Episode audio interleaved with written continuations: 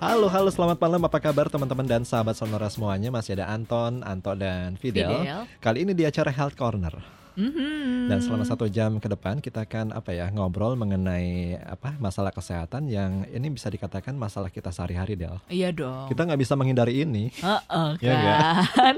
Kalau di Indonesia tuh ada kalimat eh, belum makan kalau belum ketemu nasi. Bener. Ya kan? Atau Kayak- mie. Atau mie gitu kan. Ya at least harus ketemu karbo lah. Belum Heeh. kenyang kalau nggak ketemu karbo. Itu dia orang Indonesia tuh kayak gitu ya. Iya, Bener gak? Kalau nggak makan nasi, belum makan nasi tuh kayaknya belum makan. Heeh.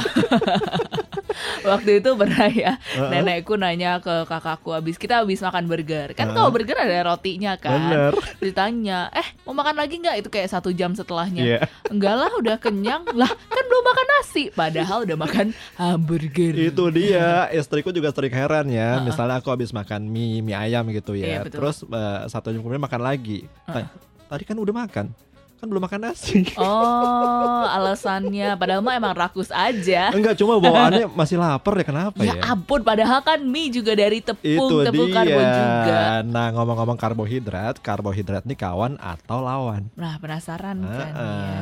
Jangan-jangan yang selama ini kita makan nih Heeh. Kirain kawan tahu-tahu lawan Ternyata malah banyak lawannya ya. Nah, buat teman-teman dan sahabat Sonora kalau ada pertanyaan seputar karbohidrat, Anda bisa kirim ke nomor SMS atau WhatsApp-nya Sonora 0812 112 9200 karena malam hari ini kita sudah kedatangan Dr. Susanti dari Medical Center Kompas Gramedia. Halo dokter, selamat malam. Halo, selamat malam Mas Anto. Selamat malam Fidel. Selamat malam Apa Selamat kabar? malam pendengar Sonora. Kabar baik sekali. Pasien happy semua hari ini? Happy kenyang semua. Iya. Kayak lawan karbo kali ya Jadi kenyang Benar, benar, ya. benar. Nah, bicara mengenai karbohidrat dok ya, mungkin dokter di awal bisa menjelaskan pada teman-teman dan sahabat Sonora nih. Sedikit gambaran mengenai karbohidrat itu apa sih sebenarnya? Ya seperti yang Mas Anto bilang kalau orang Indonesia tuh makanan pokoknya ya nasi Iya. Seba- eh, sebagian besar ya walaupun Heeh. di beberapa daerah mereka makan jagung, beberapa daerah makan sagu, tapi pada umumnya eh, makan nasi. Ya. Nah, ya itu ada juga yang makan Indomie. Heeh. Mie instan ya. instan, Heeh. eh, lauknya mie instan, Heeh. Makanan pokoknya nasi, Tambah Oh. nasi. Karbo ketemu karbo ditambah teh manis, Iya. ya kan, micinnya tambah- ditambahin uh-uh. gitu kan. Nah, karbo itu disebut juga zat hidrat arang, Zat hidrat Uh-uh. arang, oke. merupakan salah satu dari tiga komponen gizi Mm-mm. utama dalam makanan kita. Yang Iya. duanya lagi adalah protein Mm-mm. dan lemak. Iya. Kita membutuhkan tiga-tiganya. Jadi karbo bisa menjadi lawan, Mm-mm. bisa juga menjadi kawan. Mm-mm. Nah nanti Oke. kita gali lebih dalam lagi setelah uh, Mm-mm. selesai Iya. semua jadi mengerti. Benar. Kapan jadi kawan, kapan jadi lawan. Tuh kan penting kan Nah eh, perbandingannya sebetulnya setiap kali kita makan usahakan tuh ada tiga-tiganya. Heeh. Jadi mungkin sekitar 45 sampai 65 persen dari total makanan kita itu terdiri dari karbohidrat. Mm-mm. Kemudian sekitar 20 sampai 35 persen terdiri dari lemak Mm-mm. dan yang 10 sampai 35 persen itu terdiri dari protein. Oke. Begitu. Itu setiap sesi makan atau gimana dok? setiap sesi makan Mm-mm. Pagi, siang, malam. malam. Mm, Mm, 40 persenan gitu ya. Iya. Oke. Tapi sebenarnya tidak eh, total harus setiap kali makan persis 40 persenan. Bisa aja Iya. mungkin makan malamnya karbonya lebih sedikit, Heeh. tapi makan siangnya karena penuh dengan pekerjaan, Pekerjaan, oh, butuh heeh. energi lebih banyak, karbonya dinaikkan di siang hari, Mm-mm. yang di malam diturunkan bisa. Oke, lebih cuman- fleksibel. Cuma naiknya juga jangan banyak-banyak ya. Ya kalau dua ember atau satu sendok tadi kata Pak Kepala Sekolah, tapi sendok semen. Oh itu jokesnya tadi ditulis gak? Bener. Oh ditulis ya Iya, iya. Pantas lucu Boleh Oke. boleh boleh boleh boleh. Iya. Oke, jadi tuh sebenarnya emang bener ya dok, karbo tuh sebenarnya dibutuhkan. Iya, Cuma- karena merupakan sumber Energi. energi, utama Mhm. dalam tubuh kita selain protein dan kar- eh, protein dan lemak. Hmm, cuma porsinya yang harus diatur atau dijaga gitu ya. Porsinya dan jenisnya. Mm-mm. Oh dan jenisnya juga. Iya. Memang ya eh, jenis-jenis karbo dulu kali ya. Iya. Kan biasa orang cuma tahu nasi, mie, kue tiaw, singkong, Mm-mm. apalagi tuh. Eh, Roti. roti. Roti, biskuit. Oh biskuit, juga ya dok, karena Heeh. dari Karbo tepung ya? itu, Oh iya. terus terus ada apa lagi dok? Nah, pernah pasien saya bilang gini, dokter, saya sekarang sudah tidak makan karbohidrat. Mm-mm. Terus saya agak karena saya tahu dia Hmm. tipikal orang yang makan pizza aja pakai nasi. Heeh. gitu. Aduh, Saya agak- nyambung banget nih. Wow. Terus saya tanya, oke, jadi sekarang makannya apa? Heeh. Ya kalau pagi dulu kan saya makan nasi uduk. Heeh. Sekarang saya makan pisang rebus sama ubi rebus. Oke. Nah, sama Ya, ubi, aja. ya. ubi dan pisang itu Uh-uh. merupakan karbohidrat. Hmm. Jadi Oh. eh, sayur pun karbohidrat. Oh, Hmm. sebenarnya di setiap makanan tuh pasti ada karbonya ya, Dok? Eh, tidak. oh, Hmm. tidak. Tidak. Oh, tapi Jadi karbohidrat itu terdiri dari tiga Uh-uh. bagian. Uh-uh. Jadi ada bagian yang gula, Mm-mm. ada bagian yang zat pati, Mhm. Ya. sama ada bagian yang serat. Oh, Nah, Oke. Setiap jenis karbohidrat beda-beda nih kandungannya. Hmm. Ada yang kandungan gulanya tinggi, seratnya rendah. Mm-mm. Ada yang tepungnya tinggi, Hmm. seratnya rendah. Jadi Iya. perbandingan itu yang membuat kita uh, menentukan bahwa ini karbohidrat yang baik untuk Mhm. dimakan dalam tanda kutip dalam jumlah yang aman Mm-mm. uh, atau lebih baik dihindari. Oh, Dan orang kadang-kadang suka mengatakan bahwa uh, oh gula, gula itu juga karbohidrat by the way. Hmm, Oke. Cuman karbohidrat yang uh, bagian dari karbohidrat yang Mm.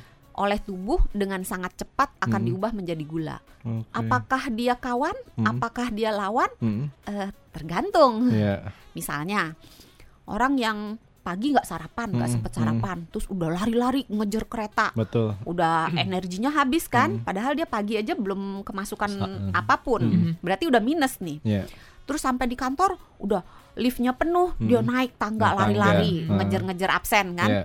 Nah sampai di atas lemes lah dia, Heeh. udah mau pingsan. Nah itu keadaan yang disebut dengan hipoglik hipoglikemia. Udah mau Di pingsan terlambat lagi ya. Iya diomelin lagi sama bosnya, Iya. Bete. karena mau siaran kali. oh, curhat. Iya. Oh, Jadi hipoglikemia itu gimana, Dok? Nah, pada orang-orang yang mengalami hipoglikemia, ya terapi yang paling cepat kasih gula, Hmm. gula pasir. Oh. Jadi makanya orang kalau udah mau teler-teler gitu suka dikasih Betul. teh manis gitu Iya. kan. Iya, iya, Nah, iya. terus langsung cering segar kembali. Oh gitu. pantes kalau lagi upacara gitu di sekolah pasti eh, yang tim medicalnya atau Hmm. PMR-nya pasti sedia teh manis gitu. Dok? Iya, Oh, Benar. itu untuk jaga-jaga me- orang uh, pingsan. berjaga-jaga Oh. untuk orang-orang yang hipoglikemi. Nah, Hmm. dalam hal ini Mm. gula melupak apa merupakan kawan Oke. karena cepat efeknya. Karena dari Wah. badan langsung diubah Uh, uh. jadi gula gitu. Hmm. Ini kalau saya apa eh, sarapan dok ya, pakai roti apa roti tawar, kemudian kasih mentega, atasnya gula, kawan atau lawan? Hmm, tergantung total hariannya dan tergantung pada saat memakan roti berlapis mentega dan gula Hmm. itu temennya apa dan berapa banyak. Oke. Hmm. Kalau cuma satu tangkap nggak masalah kali ya. Eh, sebetulnya agak kebanyakan, Kebanyakan. sih. Oh itu udah kebanyakan tau. Aduh. Atau Ternyata. begini. Atau begini, eh, jenis karbohidrat selain yang tadi bagiannya tiga gula, Heeh, sat tepung dan serat, iya. dia berdasarkan kandungannya itu bisa dibagi menjadi dua macam. Hmm. Jadi karbohidrat simple, Mm-mm. karbohidrat atau disebut dengan karbohidrat sederhana Mm-mm. dan juga karbohidrat kompleks. Iya. Nah, karbohidrat sederhana dia sifatnya cepat diubah eh, dalam tubuh karena cepat dicerna. Mm-mm. Dia cepat menaikkan kadar gula darah. Mm. Contohnya itu kalau roti, rotinya Iya. roti putih. Nah, Oke. itu termasuk cepat diolah oleh tubuh, Mm-mm. langsung jadi gula, langsung gula darah naik. Hmm. Nah, kalau mau sehat mungkin rotinya diganti dengan roti gandum. Tuh kan roti gandum tahu. Terus gula pasirnya mungkin sedikit Iya. aja. Terus tambahkan sesuatu yang eh, karena lemaknya kan sudah dapat dari mentega. Iya. Yang kurang kan tinggal eh, proteinnya Mm-mm. plus seratnya kan. Iya. Ya mungkin tambahkan susu rendah lemak atau Oke. susu tanpa lemak Mm-mm. atau mungkin sepotong tahu Mm-mm. atau sebutir telur rebus tanpa kuningnya. Iya. Terus tambahkan seratnya. Seratnya Oke. boleh sayur, Iya. boleh Hmm. buah yang tinggi serat, tapi Iya. jangan buah yang tinggi karbo Uh-uh. lagi ya. gitu. Jadi awalnya lawan jadi kawan ya. Betul. Bener ya. Bisa berteman dengan kawan, Siap. bisa berteman dengan lawan. Iya. Nanti kita sambung lagi ya Dokter Santi ya. Ini buat teman-teman dan sahabat sonora yang mungkin mau tahu lebih banyak ya mengenai karbohidrat itu eh, kawan atau lawan. Anda bisa kirim ke nomor SMS atau WhatsApp-nya Sonora 0812 112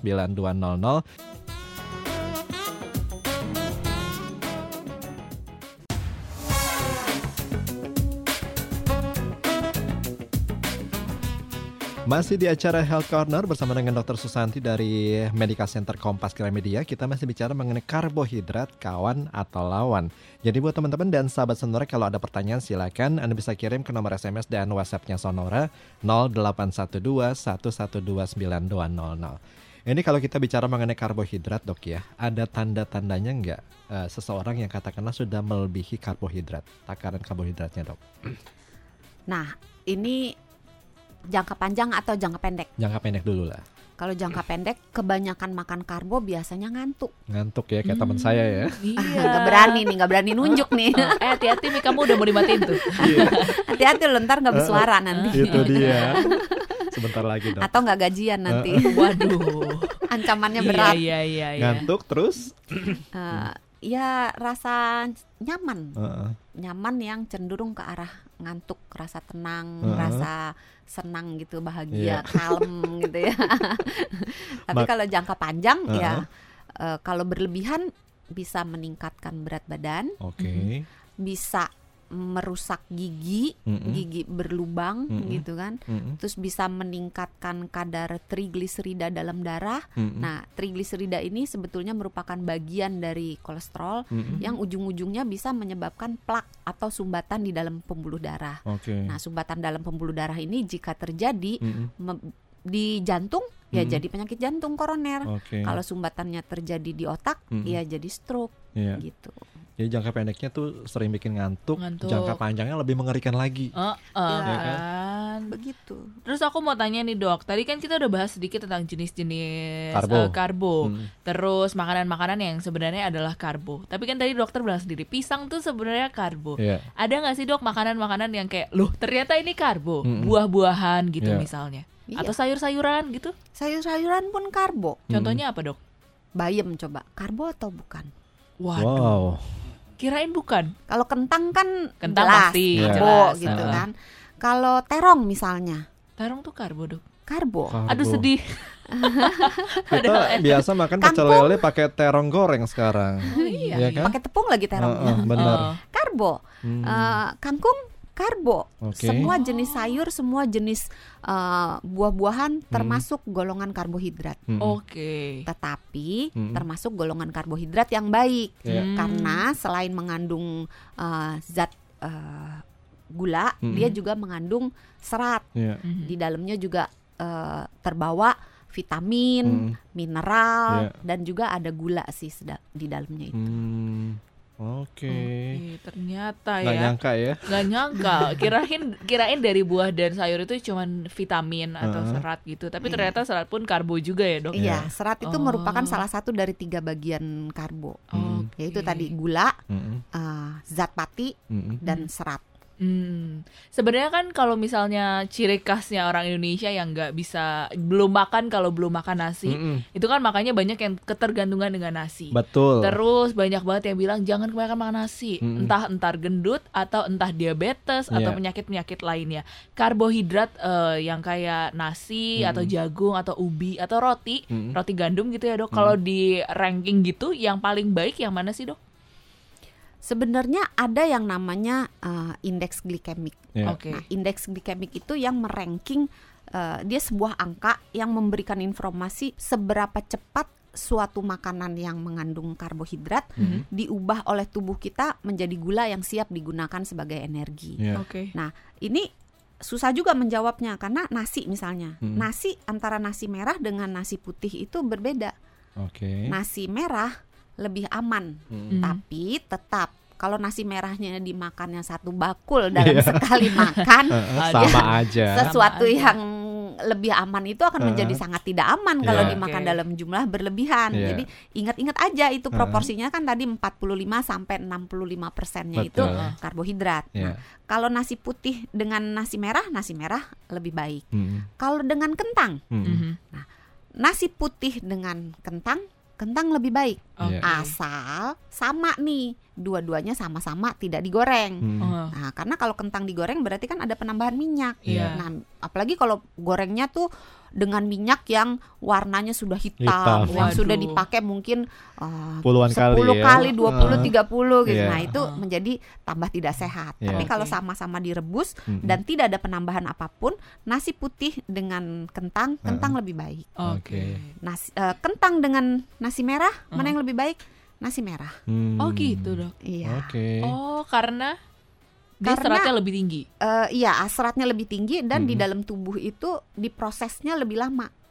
Jadi Oh. dalam tubuh dipecah untuk menjadi gulanya Uh-uh. itu Mm-mm. lebih lama karena seratnya lebih banyak. Hmm. Serat itu mempersulit dalam tanda kutip, Mm-mm. memperlambat, Hmm. memperlambat tubuh kita untuk mengubah makanan itu menjadi gula. Mm-mm. Sehingga Hmm. dalam badan kita gulanya tuh naiknya pelan-pelan Oke. dan kita akan merasa kenyang lebih lama. Mm-mm. Makanya kalau Oh. makan nasi merah kan nggak enak ya ngunyah, Betul. kayaknya nggak putus-putus Iya. gitu, nggak lumat-lumat, nggak Heeh. halus-halus Heeh. karena itu seratnya lebih tinggi. Oke. Itu satu eh, satu kali makan Mm-mm. bisa mungkin tahannya satu atau dua jam Oke. lebih lama daripada nasi putih gitu. Hmm, Oke. kirain selama ini tuh kalau orang diet, ya Heeh. makan kentang aja, jangan makan Hmm. nasi. Pokoknya Hmm. ada tulisan nasi Hmm. itu jangan. Ternyata Eh, malah lebih baik iya. nasi merah daripada Iya. kentang Iya. ya dok. Nasi merah tuh seratnya satu gelas Heeh. itu kira-kira tiga setengah gram. Wow. Oke. Kalau nasi putih cuma 0,6 gram. Eh ya ampun jauh Jadi banget. pilihlah nasi Iya. merah walaupun rasanya tidak enak. Iya itu dia masalahnya. Another problem adalah rasanya kurang enak. Iya, Dan tapi saya kalau coba bertahan satu bulan. iya. Oh kamu udah pernah coba ya? Pernah coba. Oh, Lama-lama gak kuat gitu ya. Ya pilihannya nasi putihnya diturunkan jumlahnya. Betul. Oke. Nah, ini bicara mengenai tanda-tanda kelebihan karbohidrat. Tadi dokter kan sudah menyampaikan kalau jangka pendeknya gampang ngantuk, Dok ya. Bawaannya gampang ngantuk. Kemudian jangka panjangnya salah satunya adalah orang eh, kelebihan berat badan alias obesitas. Nah, ini banyak yang ingin menurunkan berat badan dengan salah satu caranya diet karbo. Ini caranya gimana, Dokter sebenarnya? Nah, untuk diet karbo sebenarnya ada beberapa tipe. Mm-mm. Ada yang betul-betul tidak memperbolehkan uh, karbo. Tapi lucu juga karena Hmm, anggapan masyarakat itu kalau diet karbo ka- diet karbo no adalah nggak makan nasi, Mm-mm. Hmm. tapi dia tetap makan ubi, Iya. tetap makan kentang. Ya Uh-uh. sebenarnya bukan diet karbo itu. Cuma Atau ganti dia- karbonya aja. Dia bilang eh, saya tidak makan karbo, Uh. tapi dia makan pisang, Uh-uh. eh, sama aja, Uh-uh. makan Iya. mangga Uh-uh. gitu, sama aja itu di dalamnya ada karbo. Tapi Hmm. sesungguhnya ada eh, pembatasan biasanya dibagi dengan diet yang sangat rendah sampai tidak ada karbo, Mm-mm. diet rendah karbo, Mm-mm. diet sedang karbo, dan diet tinggi karbo gitu. Oke. Nah, selama masih ada asupan karbo di dalam tubuh kita masih aman karena Iya. dalam tubuh kita tuh sebetulnya membutuhkan Karbo. uh, karbo. Mm. Tapi kalau betul-betul tanpa karbo Mm. harus dikonsultasikan dulu ke dokter gizi Iya. uh,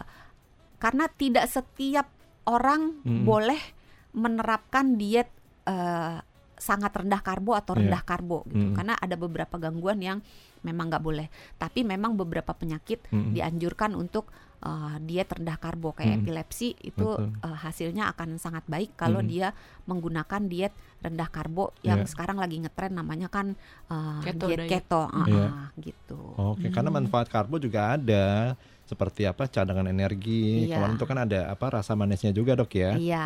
Itu juga manfaat dari karbo. Cuma asal jangan kelebihan dok ya. Iya. Intinya seperti itu. Iya. Nah kalau dilihat dari usia dokter ada perbedaan nggak sih dok eh, jumlah karbohidrat yang apa yang dibutuhkan ya oleh anak-anak kemudian dewasa sampai orang tua. Paling banyak jumlah karbo itu yang dibutuhkan pada pria dewasa. Pria dewasa, Ah, ah. oke. Uh, pada anak-anak Mm-mm. dan pada lanjut usia jumlah karbo yang dibutuhkan akan semakin turun. Oke. Perempuan juga begitu. Pada perempuan dewasa, usia Mm. dewasa, Mm-mm. dia butuh karbo banyak, tapi pada bayi perempuan Mm. dan orang tua perempuan Mm. dia akan turun kebutuhan karbohidratnya. Oke. Tapi in range sekitar 200 sampai Mm. 400 gram per hari. Oke, 200 sampai 400 gram Iya, per hari dok ya. tergantung umurnya. tergantung usianya. Oke, nanti kita sambung lagi Dokter Santi sekaligus menjawab pertanyaan yang sudah masuk pada malam hari ini. Jadi buat teman-teman dan sahabat Sonora, kita masih bicara mengenai karbohidrat, kawan atau lawan. Kalau ada pertanyaan, Anda bisa kirim ke nomor SMS atau WhatsApp-nya Sonora. Kita tunggu ya sampai jam 8 malam nanti SMS ke nomor 0812 112 9200. Anda masih bersama kami di acara Health Corner, teman-teman dan sahabat Sonora. Kalau ada pertanyaan seputar karbohidrat, Anda bisa kirim ke nomor SMS atau WhatsApp-nya Sonora 0812 1129200. Nanti ada Dokter Santi dari Medical Center Kompas Gramedia akan menjawab pertanyaan Anda. Mhm. Ini tadi kan saya udah tanya dok ya, kalau kelebihan karbohidrat tandanya apa? Nah kalau bagi mereka yang kekurangan karbohidrat ini tanda-tandanya apa dokter? Ini kayak Pak Guru aja ya. Kalau Heeh. lebih apa, kalau Heeh. kurang apa Benar. gitu. Biar pas semua ya. Iya. Tapi memang kekurangan juga buruk, kelebihan juga buruk. Heeh. Tanda-tandanya kekurangan itu kita jadi agak-agak bolot. Oh Oh, gitu. Iya. pantas saya kalau pantas lemot. Pantas nggak nyambung ngaku kalau ya? ngomong. Hmm, nyambung, nyambung ya ampun. nyambung. eh. Jadi kurang berenergi, Heeh. mudah lelah, Heeh. mudah marah Hmm. gitu. Terus bisa juga terjadi keadaan yang namanya ketosis. Jadi Hmm. pada orang yang eh, kekurangan karbo, Mm-mm. dia membak tubuh itu karena tidak ada karbo yang diubah menjadi glukosa, maka Mm-mm. tubuh akan mengambil lemak Mm-mm. dan mengambil protein Ya. untuk dibak- dibakar menjadi bahan bakar kita Mm-mm. untuk sumber energi kita. Ya. Nah, keadaan itu proses pembakaran itu menghasilkan zat keton. Mm-mm. Nah, kalau berlebihan, maka Mm. tubuh akan masuk ke situasi yang disebut dengan ketosis. Ya. Ketosis ini kalau ringan cuman ya eh, secara mental dia rasa lelah Mm-mm, gitu ya, mm-mm. mual, sakit kepala. Mm-mm. Terus nafasnya tuh mula-mula baunya tuh kayak bau buah, Oh gitu. bau-bau buah gitu. Hmm. Lama-lama kayak bau penghapus kutek gitu apa aseton. Aset, ya? eh, aseton. bau-bau kayak aseton gitu. Terus Hmm. bisa juga pusing, Iya. dehidrasi gitu. Mm-mm. Tapi kalau ketosisnya udah berat, Mm. dia bisa sampai menimbulkan pembengkakan, Hmm. nyeri sendi, bisa Hmm. juga sampai jadi batu ginjal. Mm. Hmm. Makanya hati-hati untuk orang-orang yang diet sangat rendah karbo Mm-mm. harus diawasi Mm. fungsi ginjalnya bagaimana, fungsi Iya. hatinya bagaimana Mm-mm. karena eh, takut eh, terjadi ketosis yang Mm. nanti kebablasan malah Iya. jadi gangguan Oke. kesehatan Oke. lainnya. Itu kalau orang yang alami kasus seperti itu, solusinya gimana dokter? Ditambah karbonya atau gimana? Diubah pola makannya, Hmm. jenis makanannya. Ya. Jadi eh, apa proses pembakarannya dikembalikan supaya bahan bakarnya itu menjadi karbo, maka Mm-mm. dimasukkan karbo. Oke. Makanya diet kalau untuk sebagai pegangan secara kasar, Mm-mm. kalau cuma sekitar tiga bulanan Mm-mm. diet yang rendah karbo masih Mm-mm. oke. Oke. Tapi kalau untuk jangka panjang Mm-mm. jangan sembarangan, konsultasikan dulu dengan eh, dokter gizi. Ya. Nah selain tadi eh, kurang berenergi, mudah lelah, Mm-mm. eh, keadaan ketosis, Mm. orang kalau kekurangan karbo Mm. kalau dia benar-benar kurang dan Mm. ini terutama terjadi pada orang yang diabetes Ya. yang entah dia salah ngambil obat atau dia minum obatnya dua kali Mm-mm. atau dia minum obat tapi dia tidak makan Mm-mm. maka kadar gula yang ada di dalam darahnya itu ngedrop turun Oke. banyak banget Ya. nah terjadilah hipoglikemia Mm. pada orang normal pun bisa terjadi hipoglikemia yang Mm-mm. tadi Fidel bilang Mm. kalau upacara terus Mm, tiba-tiba nah iya itu tanda-tanda kekurangan karbohidrat Ya. Ke- ciri-ciri orang hipoglikemi ya sama kayak orang lapar gitu mula-mula Hmm. gemeter Hmm. keringet dingin Hmm. terus agak-agak udah mulai nggak konsen Ah. gitu ya Eh, rasa lapar Hmm. pusing Hmm. pucet Iya. itu ya obatnya tinggal kasih eh, karbo yang Hmm. sederhana yang Hmm. bisa langsung diubah menjadi eh, energi misalnya tadi gula pasir Hmm. madu Hmm. sirup gitu. Hmm.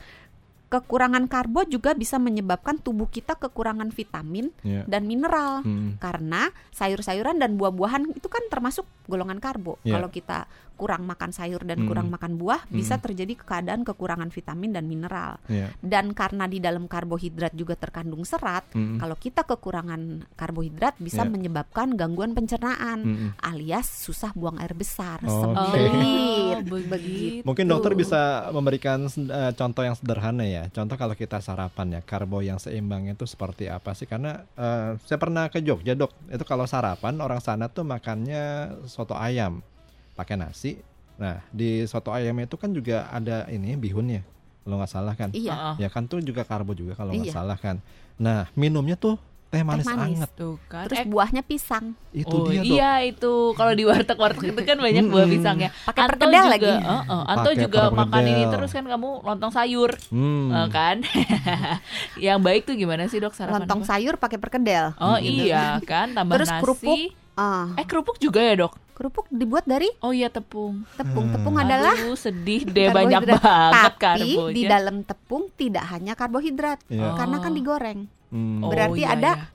minyaknya. Minyak juga. Iya. Kecuali kalau gorengnya pakai pasir. Hanya saya nggak tahu bener nggak sih itu digoreng pakai Iya pasir ya, ya? setelah dipikir-pikir lucu Saya- juga ya. Beneran pakai pasir ya? Iya. Oh ini tukang kerupuknya di dok. Oh tukang kerupuknya ada ya, langsung manggut-manggut Iya. gitu. info gitu. Karena- goreng kerupuk sebelahnya pasir dok. Oh, eh lucu tuh lucu. Sambil bangun rumah ya. Jadi kalau misalnya sarapan yang baik itu apa dok? Bisa dikasih contoh nggak dok? Kan kita kalau sarapan tuh ya orang Jakarta dok ya nasi uduk, lontong sayur. Ya kalau ah, punya duit dikit ya ah, roti. Bener Rotinya nggak? roti stroberi atau roti coklat. Atau nasi goreng dokter. Nah gimana dok Nasi kalau putih, lauknya ah, nasi goreng. Maksudnya biar apa sarapan kita tuh karbonnya seimbang. Sebenarnya gini, kalau misalnya soto, Heeh. ya boleh sarapan uh, soto. Pakai nasi. uh, Boleh boleh, pakai Boleh nasi. pakai nasi, ah. Tapi kalau udah pakai nasi Heeh. tanpa bihun Tanpa bihun, Oh. oke. atau mau pakai bihun tanpa Tambah nasi. nasi. Oke. Ini dokter nggak seru atuh mau dua-duanya. Ya udah Heeh. nasinya dikit, bihunnya Siap. dikit gitu kan. Oke. Terus komponen proteinnya harus ada karena setiap kali kita makan kalau Heeh. ada komponen protein membuat kita merasa kenyang dan merasa nyaman Iya. ya dan kenyangnya itu tahan lama kalau ada proteinnya. Maka di dalam soto kan ada ayam. Ya. Nah, minta ayamnya dibanyakin. Oh. Tapi pelit jangan biasa pakai kulit. dong. Ya bayar lah. Iya ya. Kita yang pelit ternyata bayarnya Iya. dikit. Terus tambahin telur rebus kan biasanya mereka menyediakan telur rebus. Nah, Heeh. kalau takut kolesterol kuningnya tidak usah, putihnya aja. Oke. Nah, terus untuk komponen seratnya sayurnya kan biasanya ada kolnya. Mm-mm. Ada ada tomat. toge, ada tomat, Uh-uh. ada daun seledri atau daun Uh-uh. bawang. Nah, itu jangan jangan pakai Uh, jangan iya. begitu. Jadi Oh. tambahkan komponen Harusnya dibanyakin sayurnya. itunya ya. Iya, Oke. Gitu. Terus Siap. minumnya udah jangan Teh manis hangat ya? lagi. Uh-uh. Kalau mau teh manis ya mungkin kalau sedikit masih oke asal Uh-uh. nasinya sedikit gitu. Iya. Jadi kalau di total Uh-uh. komposisinya tetap tadi karbohidratnya itu Uh-uh. eh, sekitar 45 sampai 65 persen Uh-uh. gitu. Jangan Oke. semua komponennya. Iya iya iya. Saya kalau kepala sekolah biasa cuma nasi sama kuahnya aja dok. Waduh. Eh, itu tanggal berapa? Tari tanggal-tanggal tua gitu ya Pak ya. Eh, Ya. Tanggal muda beda dong. Tanggal Heeh. muda lengkap sampai gerobak-gerobaknya kan. Kalau makan di warung Padang juga gitu, nasi sama kuah rendang. Hmm, Itu tanggal tua ya. Iya. cuma bayar nasinya aja ya. Kalau oh, oh tumben di auto dia. Kalau kacang tuh ada karbonya juga nggak dok? Kacang-kacangan. Coba tebak, Mas Santo. Ada. Bagaimana kacang? Ada. Dapat mangkok Hmm. cantik satu. Akhirnya ganti dari Iya. piring ke mangkok. Piring, ganti mangkok, lah gitu ya. Besok gelas, Dok, Besok ya. gelas cantik, Ah. iya. Ada karbonya juga ya dok? Ada. Tapi lebih banyak daripada eh, kayak jagung, nasi, eh ya jagung, nasi Eh, gitu-gitu atau gimana? dok? Kalau kacang itu, itu baiknya karena di dalamnya itu tidak hanya ada karbo, Uh-uh. tapi juga ada proteinnya, Protein. Hmm. protein nabati gitu. Hmm. Nah, protein itu membuat kita kenyang. Hmm. Jadi Hmm. kacang-kacangan selama itu sekali lagi ya segala sesuatu yang baik Hmm. akan menjadi tidak baik kalau berlebihan. Iya. Jadi selama jumlahnya masih dalam batas wajar Hmm. masih oke. Iya. Kacang-kacangan masih aman. Oh oke. Kalau misalnya ini nih, banyak juga yang bilang kalau malam-malam Mm. jangan makan karbo kebanyakan. Iya. Itu benar gak dok? Bisa Perasaan kan- apa? Apa? Bisa jadi apa? Bisa Hmm. jadi gemuk, iya. Iya. Terus Susah tidur. Susah. Emang susah tidur? Bukannya Iya. malah kekenyangan jadi tidur nyenyak ya? Enggak, kalau kenyangan biasa sesek terus tidurnya gak susah. Oh ya berdiri dong tidurnya Oh agak serem ya Tapi kan kadang-kadang kayak gitu dok Padahal kalau aku pikir-pikir ya Kalori yang kita makan kapan pun kan jumlahnya akan tetap sama nih dalam hal kalorinya Apakah waktunya juga menentukan dok? Hmm. Sebenarnya gini, kalau makan malam, ya Mas Anto benar, hmm, Fidel juga benar. Hmm. Kalau makannya kebanyakan, Iya. apalagi jumlah eh, sudah jumlahnya banyak, Hmm. jenis karbonya yang dimakan itu adalah jenis yang eh, nasinya nasi Ah, putih, benar. rotinya roti putih, Ah. terus tanpa protein, Iya. tanpa eh, lemaknya, Ah. itu memang eh, akan menyebabkan jadi sesek karena Hmm. kan kepenuhan ya perutnya. Betul. Dan kalau perutnya penuh karena lambung itu letaknya di bawah diafragma, kalau dia Mm-mm. terlalu penuh ya dia akan mendesak ke atas menyebabkan Iya. kita merasa sesak Sesak. gitu. Apalagi Mm. kalau kita posisinya tidur telentang ya Mm-mm. tambah nggak enak, ya, tambah susah tidur. Iya. Tetapi bahwa uh, Fidel bilang karbohidrat menimbulkan uh, rasa nyaman, Mm. menimbulkan rasa kantuk itu Mm. benar karena Oh. dalam proses uh, karbohidrat itu uh, dalam proses pencernaannya tubuh itu mengeluarkan serotonin Hmm. dan Hmm. triptofan. Nah ini Hmm. yang memicu rasa ngantuk. Jadi kalau Hmm. misalnya nggak bisa tidur, Hmm. boleh makan karbo supaya mancing tidur. Hmm. Tapi karbonya mungkin pisang aja satu Hmm. Oh, gitu. iya, iya, Oke. Jadi jangan yang nasi goreng Hmm. udah Oke. lemak udah. Oh. Tapi maksudnya berkaitan dengan waktunya itu Hmm. berpengaruh nggak dok? Kayak makan pas pagi atau makan Hmm. pas malam? Sebetulnya maksudnya jumlah karbohidratnya banyak di pagi atau banyak di malam gitu. Eh, Lebih ke bahayanya nih kan katanya kalau malam-malam kebanyakan karbo bahaya gitu. Itu benar nggak sih Sebenarnya dok? tergantung sih kalau dia satpam dia Hmm. harus jaga malam ya. Iya sih betul. Mungkin Nah, uh, itu dia yang saya mau tanyakan juga kan teman-teman kita di sini kan juga ada yang tugas malam dok ya. Jadi dari malam sampai pagi hari. ya Nah kadang-kadang mereka kalau jam 10 datang tuh suka makan nasi gitu dok. Iya. Itu apa eh, diperbolehkan nggak? Eh, boleh. Boleh ya. Hmm. Tapi jangan mentang-mentang malam makan. Jadi kalau total dalam 24 jam menjadi lima kali makan. Hmm. Jadi sebenarnya makannya dibalik aja. Oke. Jadi orang yang uh, aktif Mm-mm. makan siangnya, orang yang aktif di pagi sampai siang Mm-mm. sampai sore Mm-mm. itu makan banyaknya di siang. Hmm. Tapi orang yang bekerjanya di malam hari makan banyaknya di malam. Hmm. Tapi sebaliknya juga Hmm. orang yang mak- aktif di pagi sampai sore Mm-mm. makan malamnya dikit aja. Iya. Jangan banyak-banyak. Oh, Sebaliknya juga orang yang kerjanya malam Mm-mm. ketika dia pagi Mm-mm. kan berarti dia tidur. Betul. Makannya dikit aja. Oh, Oke. berarti sebenarnya bukan urusan bahaya atau enggaknya ya, tapi lebih ke orang beda. aktivitas kita tuh banyaknya di waktu apa, pagi atau malam. Iya. Maka yang aktivitasnya banyak silakan konsumsinya di tinggiin dikit gitu ya Iya. dok jumlahnya. Oh, Tapi ingat ya jenisnya juga ya, jenis Jenisnya yang juga. kompleks. Jadi kalau bisa Hmm. kalau bisa memilih nasi merah ya pilihlah nasi merah. Kalau Hmm. bisa memilih roti gandum, pilihlah roti gandum. Tuh, Terus kan. banyakin yang tinggi serat, misalnya tadi sayur-sayuran. Hmm. Terus kalau buah juga eh, banyakin buah yang tinggi serat tapi gulanya rendah. Oke, nanti kita lanjutkan lagi ya perbincangannya bersama Dr. Santi. Silakan jika Anda punya pertanyaan nih terkait karbohidrat, efeknya dan lain sebagainya, sampaikan pertanyaan Anda ke 0812 112 9200. Kami tunggu. Sonora FM 92.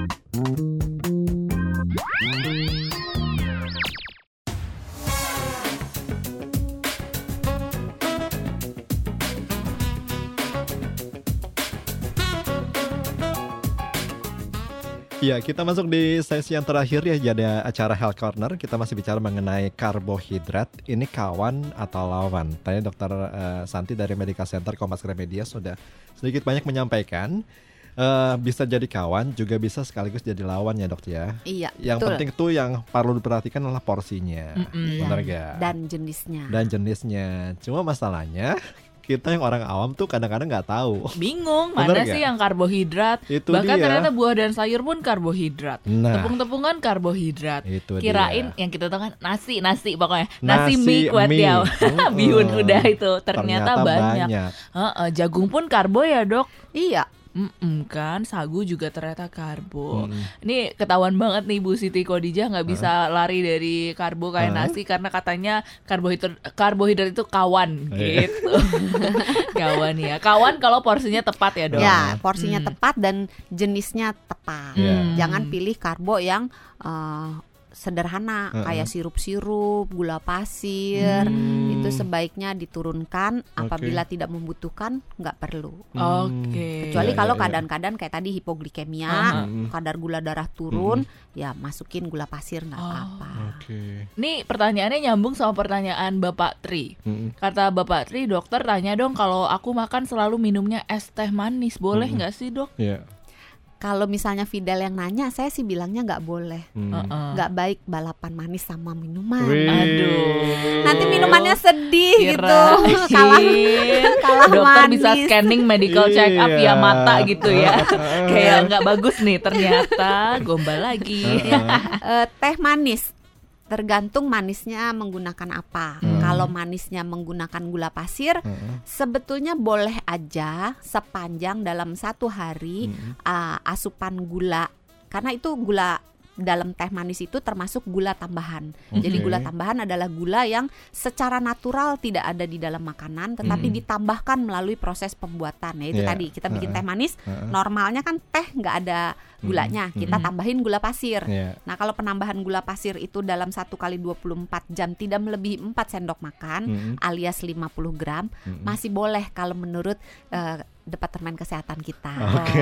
Oh, oke. C- Cuma lebih baik itu ya teh manis ya dibandingkan kalau kita minum soft drink atau teh-teh yang apa ya dalam botol Iya. gitu dok ya. Iya, Hmm. karena eh, minuman manis bersoda Heeh. secara penelitian lebih tinggi kemungkinannya menyebabkan gigi berlubang Oke. daripada minuman manis saja tanpa soda. Hmm. Oh, begitu. Ini ada pertanyaan masuk juga dari Bapak Martinus via SMS.